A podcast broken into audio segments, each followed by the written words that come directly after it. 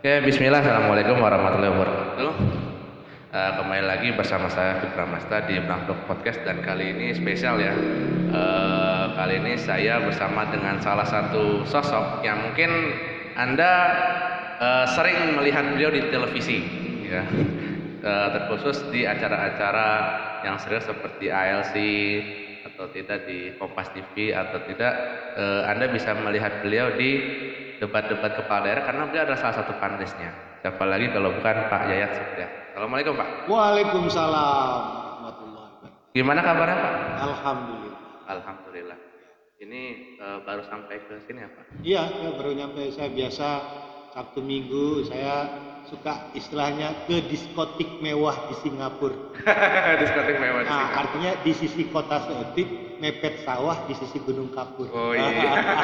di sisi Gunung Kapur. Oh ya, Gunung Kapur. sana, Ya, sana kan. Jadi, jadi bagaimana tempat ini bisa dikenal orang dengan istilah yang mudah gitu. Diskotik Mewah mewah di di, Singapura. Kan orang nanya, Bogor di mana tuh diskotik mewah di Singapura? Bayangannya kan Singapura, Iya, Singapura. Singapura. Singapura artinya di sisi Gunung Kapur. Di sisi Gunung Kapur. siap, siap, siap, siap, siap.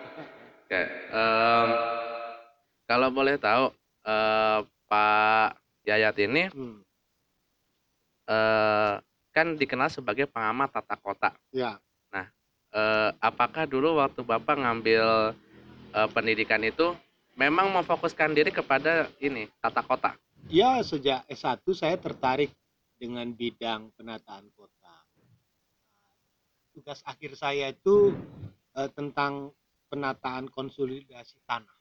Iya. Jadi sebetulnya saya juga waktu S1 lagi mahasiswa saya aktif ikut bekerja sebagai eh, tenaga asisten di konsultan. Iya. Jadi sebetulnya minat itu sudah lama ada. Jadi sudah sangat tertarik karena menata kota kan menata manusianya. Benar. Jadi kita bukan persoalan membangun fisiknya, tapi bagaimana kita membangun orangnya gitu. Sebagus apa pun kotanya, kalau orangnya tidak berubah, ya sama saja. Jadi saya dari S1, S2, sampai S3 saya, saya tertarik di bidang perkotaan.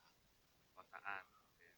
Nah, tadi Pak eh, yang Bapak tekankan soal manusia. Ya, Eh, kalau Bapak melihat, ya, karena saya yakin dengan pengalaman Bapak yang luar biasa, pasti selain kota-kota di dalam negeri juga pasti kan juga Bapak pernah studi Ya. banding keluar ya, gitu. ya. Eh, menurut Bapak ada nggak satu kota yang Hmm. ibaratnya bisa dikatakan sebagai apa memenuhi kriteria sebagai kota yang kalau kita nyebutnya hari ini sebagai smart city.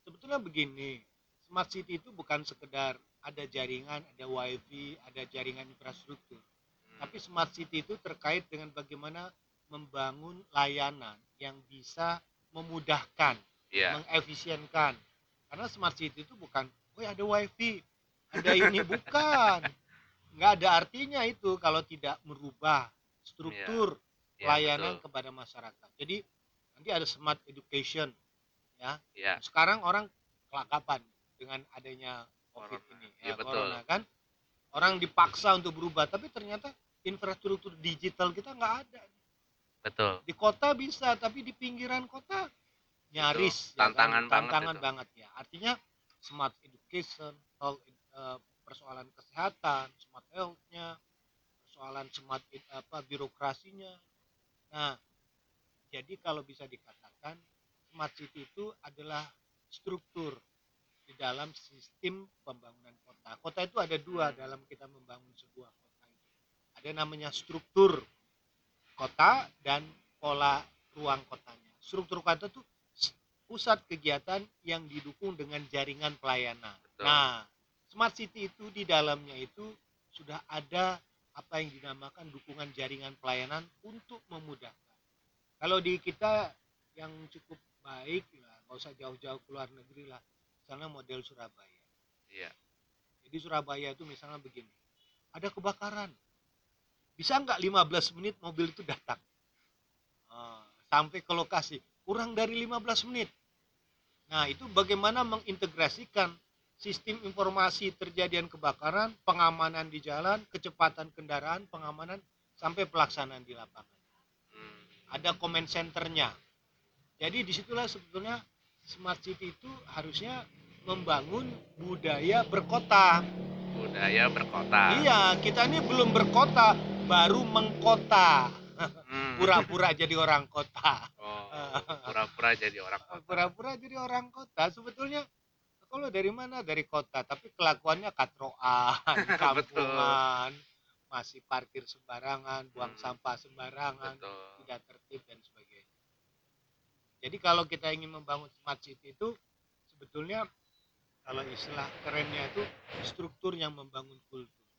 Struktur yang membangun kultur. Struktur itu adalah aturan, infrastruktur, bentuk desain kotanya, kondisi sosial ekonomi kotanya, dan bisa membangun budaya baru berkota. Contohnya yang paling berhasil kalau di kita ini di layanan transportasi itu kalau kita naik KRL sekarang.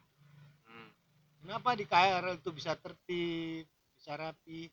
Karena ada kekuatan yang mengatur untuk merubah. Itu makanya dalam kehidupan sehari-hari, sebagus apa pun sarana prasarana yang dibangun oleh sebuah pemerintah kota, kalau tidak membangun budaya berkehidupan berkota, Iya. bisa. Oke. Artinya maksudnya eh, berarti ada apa peran infrastruktur itu tidak terlalu ini ya, tidak terlalu apa besar dalam apa misalkan karena kan orangnya kan juga berpengaruh kan. Ah, gini, peran infrastruktur besar. Karena dia bisa membangun budaya, budaya yang ditujukan untuk membangun suatu kehidupan. Contohnya begini. Ada Covid, Iya. orang disuruh cuci cuci tangan. Cuci tangannya di mana? Di airnya mengalir. Nah, airnya menga- air yang mengalir sekarang ya begitu. Iya, coba sekarang tanya. Apakah ketika ada tempat cuci tangan, ada air yang mengalirnya tidak, kerannya bagus atau tidak? Jadi kota-kota itu untuk prinsip-prinsip dasar kehidupan mampu membangun budaya. Anda disuruh cuci tangan. Pertanyaannya, ada nggak keran airnya? Ada nggak airnya mengalir? Nah, Hmm. ada itu. Kalau tidak ada berarti masalah. Kedua, buang sampah Sembarang. kita disuruh menjaga kebersihan. Tahu-tahu yang kita lihat kenapa orang mau buang sampah di mana-mana. Buanglah sampah pada tempatnya. Tempatnya ada atau enggak? nah, jadi dukungan infrastruktur kota itu adalah bagian dari jaringan pelayanan kota.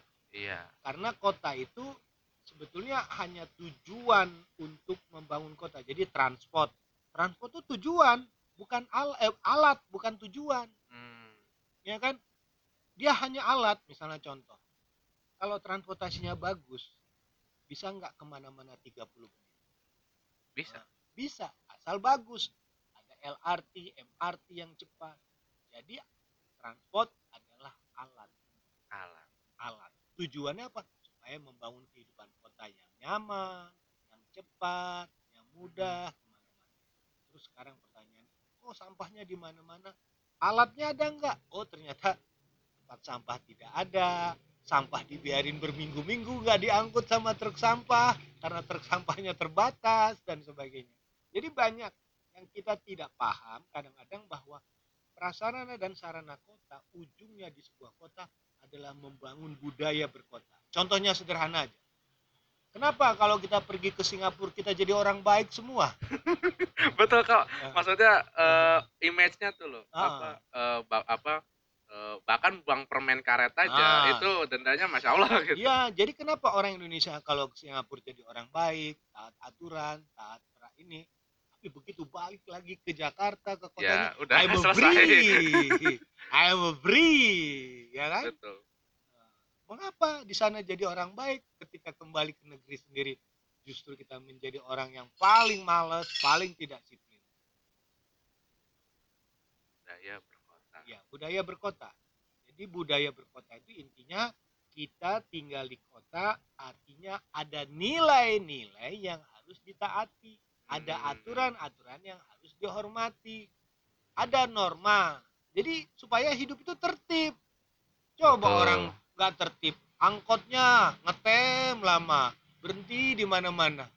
kesel nggak pasti iya nah eh, kemudian pak eh, salah satu problem yang paling orang kesalkan dal apa dalam tata kota salah satunya adalah kemacetan. Iya. Ya kemacetan ini eh, bahkan kemarin apa saya lupa di apa namanya saya lupa bulan apa itu jadi indeks traffic light kita traffic index kita eh, Jakarta saya lupa Jakarta atau Indonesia kalau nggak salah Jakarta ya pak. Itu nomor satu untuk angka kemacetan. Ya jadi gini eh macet kenapa macet karena ada ketidakseimbangan antara kondisi ketersediaan jaringan jalan dengan jumlah kendaraan yang terus bertambah betul Nah, mobil itu kendaraan setahun itu bertambahnya bisa 11 sampai 12 persen. Sementara jaringan jalan nambahnya hanya 0,01. Ya. Lama sekali. Jadi bayangkan sama kita, satu banding 100 berarti iya. Jadi kita nggak sama sekali tertinggal terus, nggak kebayang. Kendaraan terus dijual, angkutan umumnya nggak makin bagus, misalnya di beberapa tempat ya ya di beberapa tempat lain sudah dirubah menjadi lebih bagus. Nah, namanya itu eh, apa namanya eh, kita eh, harus memperhatikan pada persoalan-persoalan eh, indeks bukan indeks ya. Ada namanya itu eh, kondisi yang membandingkan antara luas wilayah dengan eh, ketersediaan jaringan jalan. Jadi Jakarta itu baru 7% paling banyak. Kalau di kota-kota lain tuh ada New York misalnya itu ada sampai 22 sampai 24 persen di negara-negara. Tapi tidak menjam- menjadi jaminan tidak bebas dari kemacetan. Karena yang paling bagus di kota itu jika sebagian orang melakukan mobilitas dengan angkutan umum angkutan umum. karena eh, maksudnya kayak kemarin contoh eh, 2018 sampai 2019 yaitu sempat ada wacana di Jakarta itu jadi ada instruksi gubernur tentang eh, bahwa mobil per 20, 2025 mobil dengan usia di atas 10 tahun Ya. tidak diperbolehkan melintasi Jakarta dengan alasan eh, polusi di, di instruksi gubernur begitu Ya, walaupun memang bisa kita kaitkan dengan kaitkan dengan kemacetan ya. kemudian kepadatan penduduk apalagi kan Jakarta sebagai apa eh, salah satu mungkin tujuan utama dari apa namanya eh, transmigrasi dari apa para mi- urbanisasi. urbanisasi dari berbagai daerah-daerah di pelosok gitu yang menyebabkan akhirnya kan Jakarta eh, penduduknya makin melar makin melar tapi Jakartanya nggak melar melar. Ah, gini gini. Ada namanya urban sprawl jadi kota yang tumbuh kembang yang tidak terkendali. Kayak ceplok telur. Lok ya lok lok lok lok. Jadi gini tekanan penduduk itu urbanisasi sebetulnya bukan hal yang negatif dia bisa menjadi kekuatan bagi tumbuh kembangnya eh, perekonomian jadi Iya. kalau di negara-negara lain tuh kontribusi urbanisasi itu bisa memberikan angka dukungan antara 7 sampai 14 persen. Jadi kontribusinya bagi PDRB ya, jadi PDB ya, ya di, di, di, di ini. Tapi di kita itu hanya empat. Hmm. Terus pertanyaannya, kenapa sih kita itu para pendatangnya atau kontribusi urbanisasinya kecil? Oh, rupanya yang datang ke perkotaan itu tidak terlatih, Hmm. tidak terampil, kemampuannya terbatas. Akhirnya apa? Gajinya ya pas-pasan aja. Jadi ketika mereka kalau mereka terampil pasti gajinya tinggi.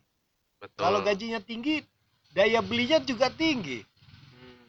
Artinya kalau misalnya urbanisasi itu kelasnya bagus, dia nggak mau makan di kaki lima, di bintang lima ya kan. betul betul Jadi itulah makanya menyebabkan kita pada umumnya yang melakukan urbanisasi ke kota-kota besar itu bisa dikatakan tingkat skillnya, kemampuannya itu masih sangat terbatas. Jadi akhirnya bekerja sekedar bisa bekerja, sekedar bisa bertahan hidup. Sementara daya belinya tidak mampu meningkat tajam. Contohnya begini. Kota itu kadang-kadang atau daerah diukur dengan namanya indeks pembangunan manusia. Indeks pembangunan manusia. Indeks pembangunan manusia itu ada tiga bot, tiga indikator. Indeks di bidang pendidikan, kesehatan, dan daya beli. Iya. Nah, di Bogor ini daya belinya itu sekitar eh, 11 juta dulu 2014-2017. Nah, kalau Hmm. dibagi 12 itu 900 ribu. 900 ribu kalau dibagi 30 hanya 30 ribu. Arek naon 30 ribu beli naon? Paling beli Beas 3 bakso. liter, Beas 3 liter. Nah, tepung 3 kilo. Nah, jadi ibaratnya dengan daya beli yang terbatas itu, ekonomi kota juga sulit berkembang. Nanti yang di Jaka, di Bogor ini rata-rata misalnya ada restoran, ada hotel, siapa yang pakai? Orang Jakarta. Orang Jakarta. Nah, Jadi orang Jakarta jauh-jauh ke sini cuma buat makan di makan restoran. doang restoran. Gitu. Jadi membangun kota itu bukan sekedar membangun fisiknya, tapi juga membangun ekonominya, membangun Hmm, kehidupan sosialnya dan sebagainya. Oke, ya. Jadi semuanya berpengaruh. Ya. Kemudian Pak Yat ini kan juga dikenal apa menjadi panelis di beberapa Ya, debat. ya. Eh kalau yang Pak Yayat lihat dari berbagai calon yang apa Pak Yayat lihat itu, Ya. em, apakah eh, beliau-beliau nanti yang akan memimpin satu daerah itu sud- apa sudah punya bayangan gitu nih kota mau diapain atau dalam dalam misalkan visi misi mereka di, sana- Ya. di situ. Jadi begini, kota itu kan ada visi misi. Nanti visi misi itu dibuat dalam RPJMD namanya. Iya, Rencana Pembangunan Jangka Menengah Daerah lima tahun. iya. Itu merupakan gabungan dari eh, tiga hal, misalnya dari pendekatan yang teknokratis, pendekatan yang partisipatif, dan pendekatan yang bersumber dari aspirasi yang berkembang di masyarakat. Nah, di dalam visi misi kota itu sebaiknya para kandidat tuh harus realistis lah. Jangan terlalu banyak janji-janji muluk yang mungkin Hmm. sulit untuk Jadi gini, visi misi tanpa gizi mimpi. Ah, Visi misi tanpa gizi, eh, mimpi. Iya. Jadi banyak gubernur, wali kota itu banyak menjanjikan sesuatu yang terlalu muluk-muluk atau terlalu jauh dari kapasitas kemampuan kemampuan sumber daya yang ada. Misalnya kemampuan sumber daya pendapatannya, sumber daya manusianya, sumber daya masyarakatnya. termasuk gitu. kewenangan juga. Iya. Jadi kalau menurut saya buatlah program yang kira-kira realistis bisa dikerjakan. Hmm, Jadi tidak terlalu menjanjikan kan banyak orang. Saya menjanjikan begini, saya menjanjikan ini, tahu-tahu begitu dia menjabat apa yang dijanjikan tidak terwujud. Nah, kita sebetulnya perlu melihat bahwa setiap calon itu kan perlu dilihat latar belakangnya. betul. latar belakangnya dari mana, kemampuan dan pengalamannya bagaimana gitu kan.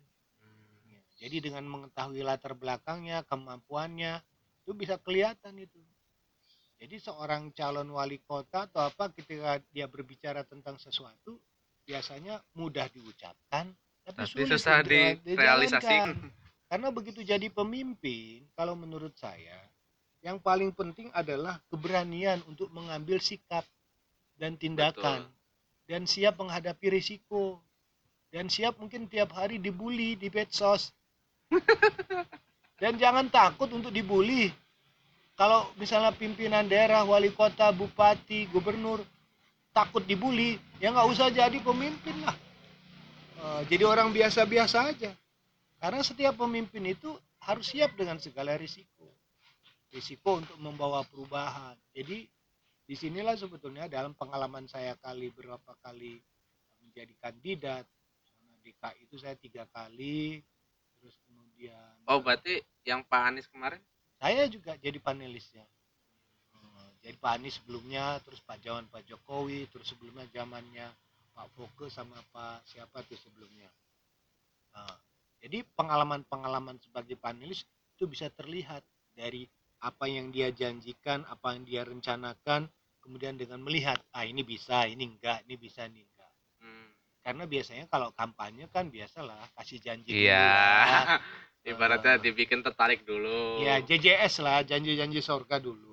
Janji-janji sorga. Iya. Jadi saya eh, banyak ya ke berbagai daerah lah diminta jadi panelis untuk ngasih tanggapan, ngasih saran, ngasih masukan gitu. Hmm, Udah cukup lah, udah cukup sering lah. sudah cukup sering. Termasuk juga jadi ini apa eh, pemateri di beberapa TV kayak ya ALC kan juga beberapa kali kelihatan Iya, kan? iya. Saya selalu jadi narasumber di berbagai media televisi untuk berbagai kasus misalnya banjir, macet, kemudian masalah-masalah eh, perumahan, permukiman, masalah-masalah yang kadang-kadang terkait dengan pemerintahannya gitu. Itu sebetulnya kita bukan sekedar memberikan kritikan atau saran atau pertimbangan, tapi saran dan masukan pertimbangan merupakan perpaduan antara pengetahuan kita, pengalaman akademik kita, pengalaman di lapangan kita, pengalaman praktik kita. Jadi kita pernah mempraktekkan perubahan-perubahan seperti di Bogor saya pernah diminta Pak Wali Kota untuk membantunya. Sekarang sistem satu arah keliling kebun raya, Oh, trotoar yang cakep itu, penataan itu salah stasiun. itu salah satunya ini Iya. dari saran Bapak juga. Iya, saya yang Hmm. memaksa sedikit Memaksa sedikit. Pak Wali Kota ini ada ide gini stasiun yang walaupun sekarang belum begitu rapi, tapi itu bagian dari apa yang kita inginkan. Bahkan kami dulu sempat ingin melakukan penataan angkutan umum di Kota Bogor. Wah, itu gak apa satu langkah yang kayaknya nekat Iya, tapi memang kesulitan utamanya bukan sekedar rencana, tapi harus ada anggaran yang cukup. Kata orang Padang harus ada PT. Piti. No PT, no activity. No PT, no motivasi. No PT, no prestasi. No PT lama-lama mati. Matilah. Jadi harus ada anggaran yang cukup. Gitu. Hmm. Oke. Karena kan tadi kalau menyinggung yang tadi ya eh, apa pengamat tuh suka dikatain begini apa alah suka ngasih kritik udah anda aja yang jadi Oh itu gubernur." pernah dulu. Saya pernah ngalami waktu Pak Fokke sebagai gubernur. Waktu hari pertama dia jadi gubernur saya ngisi ter, terus dia pernah bilang, ya kau aja yang jadi gubernur, aku jadi pengamatnya. dulu pernah begitu, tapi saya mengatakan bahwa pengamat gubernur pun perlu diingatkan, iya ya kan? Kita itu pernah juga, memang kalau mau bagus pengamat tuh jadi wali kota lah. Gitu. Pak Bima Arya tuh jadi wali kota dulu pengamat politik. iya di carta Iya. politika kan Nah, ada yang lain sebagainya. Tapi kan sekali lagi untuk sampai ke sana pengamat itu nggak punya modal kadang-kadang kan. oh betul Eh, harus pak ikut partai politik, harus punya eh, ya itu tadi PT itu tadi dan PT. sebagainya. Jadi kalau menurut saya kita itu memberikan saran dan masukan karena juga kadang-kadang kita kan sering mengerjakan yang sama. Saya ini kan terus terang aja lebih dari 10 tahun saya dewan juri untuk penataan ruang di seluruh Indonesia. Saya ikut menyusun rencana tata ruang. Saya ikut mengimplementasikan beberapa kegiatan. Tapi posisi kita itu kan hanya sebagai advisernya, penasehatnya, sebagai orang konsultannya, yang mengerti Ah, mengerti dan ikut membantu. Tapi kan kekuasaannya itu ada di wali kota, ada di kepala daerah kepala daerah, di gubernur dan sebagainya. Hmm. Jadi kalau misalnya pengamat yang tidak pernah ke lapangan, pengamat yang tidak tahu masalah, nah itu pengamat yang mungkin kita tidak tahu lah bagaimana cara dia melihat masalah. Kalau misalnya cerita tentang transportasi, saya 30 tahun sampai hari tetap naik kereta api. dari Bogor ke Jakarta Iya. Ngeri sih Iya, Ngerti. Setiap hari Senin saya ada di stasiun mengatur, membantu PT Kereta Api, PT Komuter Indonesia membantu BPTJ bagaimana angkutan gratis, angkutan kereta api supaya selama Covid ini lancar. Jadi kita merasakan apa yang di lapangan. Ya kan? betul Kita misalnya untuk menata beberapa tempat. Jadi ketika diberikan kepercayaan dan berikan mandat, maka diperlukan kerjasama dan kemauan untuk melakukan perubahan. Hmm. karena eh, yang yang mungkin bikin pengamat nyesek adalah ketika mereka sudah misalkan menyodorkan beberapa apa eh, usulan atau beberapa ini, apa yang diharapkan bisa terimplementasi tapi ternyata eh, kepala daerah memilih untuk kemudian iya mengambil opsi lain atau Iya. mengambil opsi yang setidaknya lebih buruk daripada itu itu nah, kita udah udah capek deh. Lama-lama saya bilang kita bisa TBC maksudnya TBC tekanan batin capek deh. Tekanan batin capek. udah capek udah banyak. Tapi yang paling nyesek yang pernah Pak Yayat alami? Banyak sebetulnya. Saya begini saya ikut diminta membantu Kabupaten Bogor menata puncak. Wah itu nah pelebaran semerawutnya. jalannya sudah kita Sudah. membantu sampai kepada menteri untuk memberikan masukan saran bagian ini. Tapi begitu berjalan pemerintah kabupatennya melupakan kita kita. Saya mengatakan ini maksud saya kita kalau memang diminta tolong kita bantu serius. Iya. Sampai pendampingan saya. Ini udah itu kan seakan-akan begitu kegiatannya jalan ini ya jalan kita dilupakan. Maksud kita kita ingat loh nanti kalau ada apa dipanggil kita kan bukan pemadam kebakaran. Jadi maksud saya dalam hal beberapa itu ikutlah bantu. Memata, membantu sampai misalnya targetnya jelas. Sekarang ada rencana mau menata puncak jadi kalau ingin mengerjakan sesuatu libatkan bantu sampai minimal ada perubahan. Iya. Ya kan beberapa hal yang bisa kita bantu kita perhatikan. Eh, kita kan sebetulnya lebih banyak sebagai relawan itu. Relawan Hmm. itu rela kalau diperhatikan. Kalau nggak diperhatikan yang lawan. Ya. relawan. Rela Nggak, kalau maksud- diperhatikan Eh. lawan kalau dicampur Eh, bukan. Jadi maksudnya begini. Saran dan pertimbangan itu penting untuk kita sampaikan kepada pemerintah daerah. Yuk apa yuk kita? Kita ini kan sebagai warga kota Kabupaten Bogor juga. Betul. Apa yang punya kita miliki gagasan, ide, pemikiran toh di Kabupaten Bogor, Kota Bogor itu banyak orang-orang yang pintar. Ya kan? Di Jakarta libatkan, tapi ketika menangani itu sama-sama. Jadi kalau misalnya ada peristiwa, kita bisa memberikan solusi langkah-langkah yang bisa diputuskan gitu. Tapi memang terus terang aja semua itu akhirnya kembali kepada pimpinan daerah. Iya, karena kan maksudnya eh, pengamat itu kan hanya memberikan apa eh, saran-saran sesuai apa yang mereka mengerti. Iya. Tapi kuasa eksekusi Ya. kembali lagi ada di Iya, kepala daerah. pemerintahan daerah.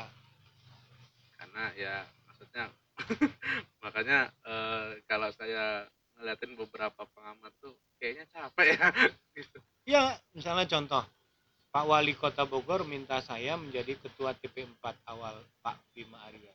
Iya, Saya bilang mandat berikan, kita bantu. Dan akhirnya kan contoh, sistem satu arah ketika Bogor macet di mana-mana, kita rencanakan, kita matangkan, eksekusi, selesai. Terus trotoar keliling kebun raya Bogor, dulu buat gagasan, coba ini kita buat sepakat. Sepakat, akhirnya apa? Kita cari sumber dananya, kita turun ke lapangan bareng-bareng. Itu enaknya sebetulnya, kita di lapangan, jadi ngerasakan gitu. Jadi ketika di lapangan pun kita ikut terlibat gitu. Dan yang paling penting dari situ adalah kita tidak pernah berorientasi mau dapat apa. Hmm, Kerjakan aja apa yang terbaik. Itu menjadi amalan lah. Selesai. Kan Betul. semua orang happy. Ketika yang paling menarik itu ada ketika bisa membuat orang lain bahagia. iya sih. Iya kan? karena Hmm. apa dengan maksudnya sistem satu arah itu kan apa lalu lintas jadi Hmm. karena karena dulu eh, kalau misalkan apa eh, saya jalan-jalan ke kota keliling di sana itu itu pasti eh, di pikiran tuh macet apa dulu sebelum akhirnya satu arah begitu satu arah gitu masya allah lancarnya Iya. Iya.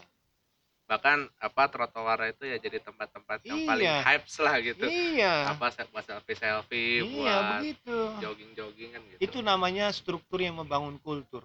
Akhirnya muncullah kultur baru. Apa itu? Olahraga. Budaya berjalan kaki. Budaya kebersihan. Karena Betul. dipantau terus. Gitu. tapi ketika mengambil apa merumuskan soal satu arah itu eh, kepikir nggak bahwa nanti misalkan eh, apa karena kan ada beberapa orang yang mengatakan gini ketika sudah satu arah itu misalkan soal beberapa trayek yang akhirnya tabrakan Oh itu sudah sudah diatur lebih dulu. Itu ada rapat berkali-kali melibatkan organda, kepolisian, dinas perhubungan. Itu ada rapat berapa berkali berkali dan akhirnya waktu awal ada reaksi, tapi begitu orang merasakan ada tuh, tuh bagus. bagus Ya. iya Dan pasar yang biasanya dagang di tengah jalan itu bersih. Itu kan Iya. ada di situ. Itu yang kita Banyak. lihat. Nah, banyak yang berubah. iya makanya eh, bersyukur sekali ya bahwa ternyata di Indonesia ini banyak orang-orang pintar salah satunya adalah beliau Enggak lah. Kita hanya kasih se- semangat, gagasan. Semua keputusan itu kembali kepada pimpinan daerah. Berani nggak melakukan eksekusinya. Oke. Tapi eh, kan banyak tuh Pak orang-orang pinter di Indonesia. Tapi eh, mereka ada yang memilih mengabdi di dalam negeri, ada juga mereka yang lebih memilih berkarir di luar dengan alasan bahwa eh, mohon maaf nih apa Hmm. di Indonesia dalam tanda kutip penghargaannya kepada kaum intelektual itu kurang. Ya. Itu kalau menurut saya gimana tuh sebagai orang intelektual juga. Kalau misalnya orang mengatakan kalau dikatakan kalau Anda ingin memudahkan urusan umatmu, urusan manusia, kau akan dimudahkan urusannya. Iya. Artinya begini, Bu, kalau bisa bekerja, bekerjalah, lakukanlah. Jadi kalau bukan, oh saya nggak dihargai, saya tidak diinikan, langsung hargainya dari apa? Dari gaji, dari perhatian, dari kalau saya mengatakan do it, lakukan aja. Seorang yang namanya pintar itu, orang gini, kita kadang-kadang merasa penting. Kita penting kalau ada orang lain. Iya. Kalau nggak ada orang lain nggak ada apa-apanya kita. Jadi ilmu itu tinggal bagaimana diajarkan. Ilmu itu bagaimana dikontribusikan. Ilmu Betul. itu bagaimana bisa dibagi, diserkan. Justru kemampuan seseorang itu diukur seberapa besar keberaniannya untuk melakukan pengorbanan. Karena Iya. orang kadang-kadang punya ilmu, bisa aja dia meng- menggunakan ilmunya itu untuk melakukan tindakan kejahatan, penipuan, Betul. korupsi, dan lakukan semua. Kalau kita punya ilmu untuk baik, ya lakukanlah terbaik. Eh, Jadi prinsipnya tuh nothing tulis saja, kerjakan apa yang bisa dikerjakan.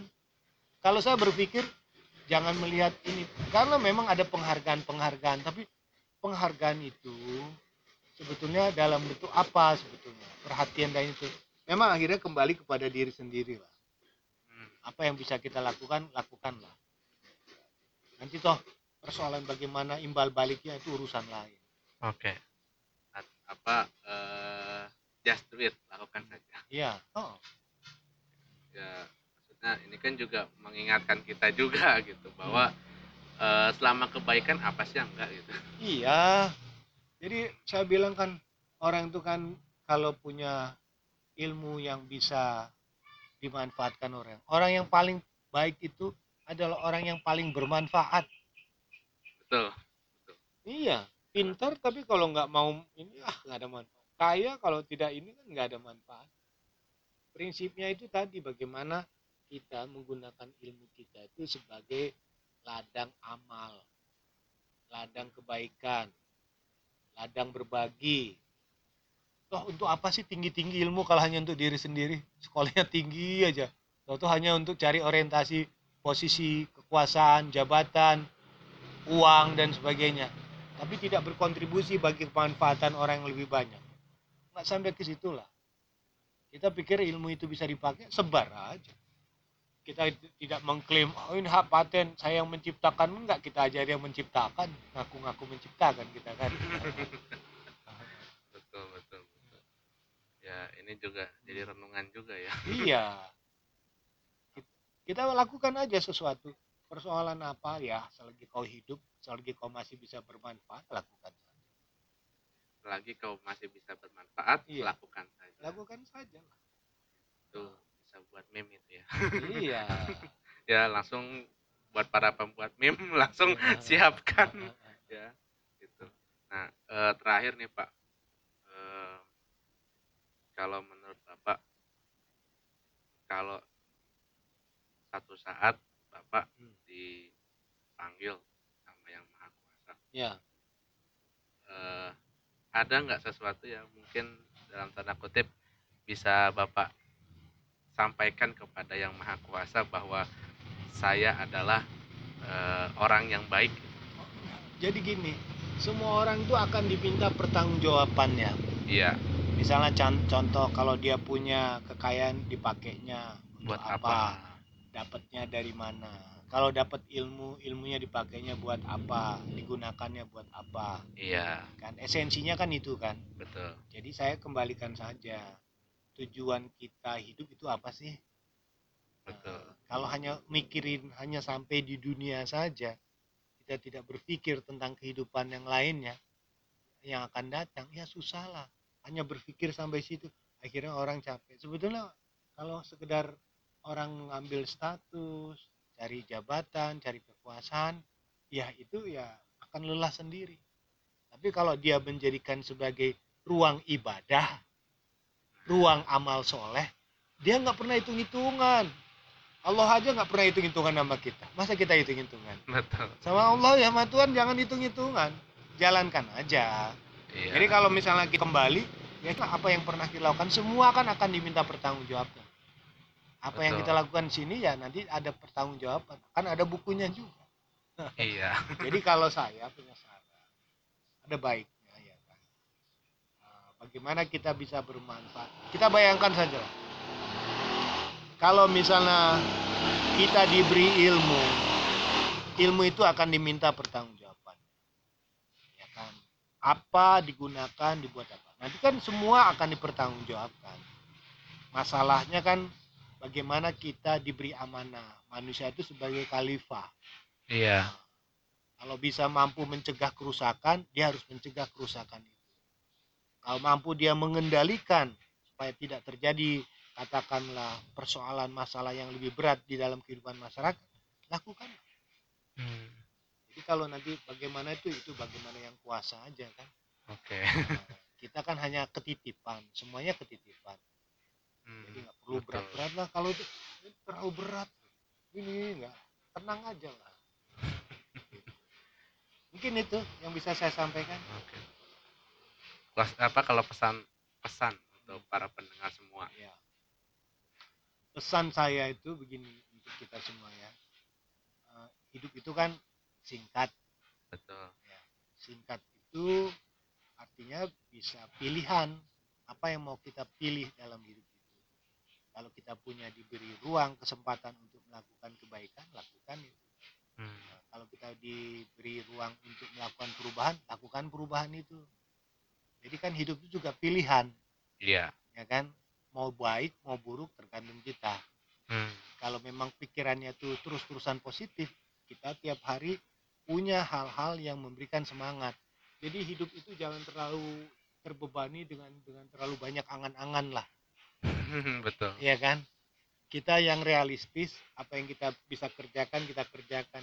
Ada yang lebih baik kita lakukan lebih baik. Jadi tiap hari harus ada progresivitas perubahan-perubahan yang lebih baik. Itu aja kan. Oke. Eh, sebelumnya terima kasih kepada Payat untuk sama-sama. kesempatan siang ini. Payat ada akun Instagram nggak? Kalau nggak salah ada deh. Ada saya lupa Instagram saya nanti saya buka lah. saya saya soalnya kan sempat cari tuh. Wah ada ternyata. Ada. Dan ada beberapa yang scene-nya di sini kalau nggak salah fotonya. Iya iya iya. Cuma memang fotonya ada blur di situ. Belum terlalu. terlalu banyak kadang-kadang saya dia. Oke. Ya dan ketemu lagi di obrolan kita selanjutnya. Assalamualaikum warahmatullahi wabarakatuh. Waalaikumsalam.